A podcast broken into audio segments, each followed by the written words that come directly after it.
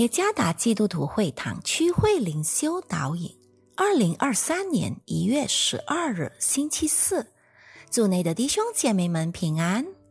今天的灵修导引，我们将会借着圣经彼得前书第二章第四到第八节来思想今天的主题：活石。作者于来发传道。彼得前书第二章第四节：主乃活石，固然是被人所弃的，却是被神所拣选、所宝贵的。你们来到主面前，也就像活石，被建造成为灵宫，做圣洁的祭司，借着耶稣基督奉献神所悦纳的灵祭。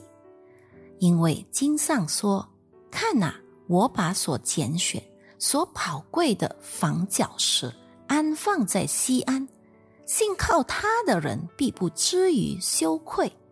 所以他在你们信的人就为宝贵，在那不信的人有话说：匠人所弃的石头，已做了房角的头块石头；又说做了绊脚的石头，叠人的磐石。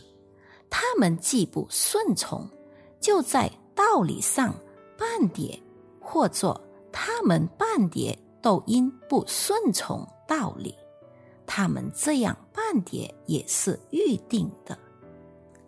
研读完这段经文，我上谷歌网络搜索相关插图来写这篇灵修的引言。有趣的是。我找到关于一种叫做 Trovan 的神奇石头，又称为活石的资料。为什么 Trovan 被称为活石呢？虽然它只是一块石头，但这种石头也能像生物一样成长。Trovan 原本是小小的碎石，但是却能逐渐成长。直径甚至能达到十公尺，原因是石头中的碳酸盐胶结物与雨水混合，两者混合在一起，能使石头变大。彼得前书所提到的活石，并不能与 Trovan 从字面上相提并论。圣经作者常用比喻来解释一些教义，例如，耶稣曾经说过他是活水和生命之粮。那么，活石是什么意思呢？活石有两个含义：第一，活石乃是主耶稣基督。彼得前书第二章第四节记载说，活石固然是被人所弃的。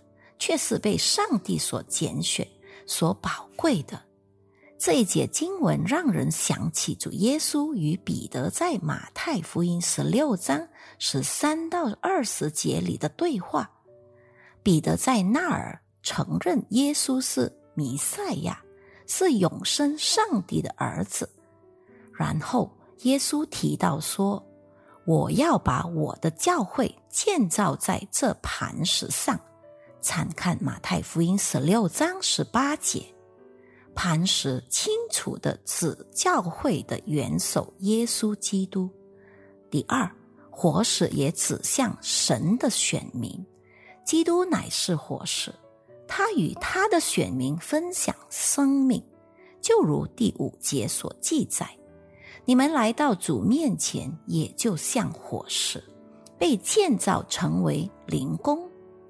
因此，信徒们的生活必须在上帝面前蒙悦纳，作为基督的身体，彼此相辅相成，彼此相爱，不应当对教会事工涉及个人的利益，因为那是上帝的工作。耶稣基督是教会的根基，而选民则是。建筑物，神是工程设计者，教会是由排列整齐的成堆石头组成的建筑物，基督徒犹如大大小小、形态各异的石头，排列成一座美丽的建筑物。我们想被上帝使用，成为美丽的建筑吗？离开了神，我们什么都不是，我们只不过是一颗小石子。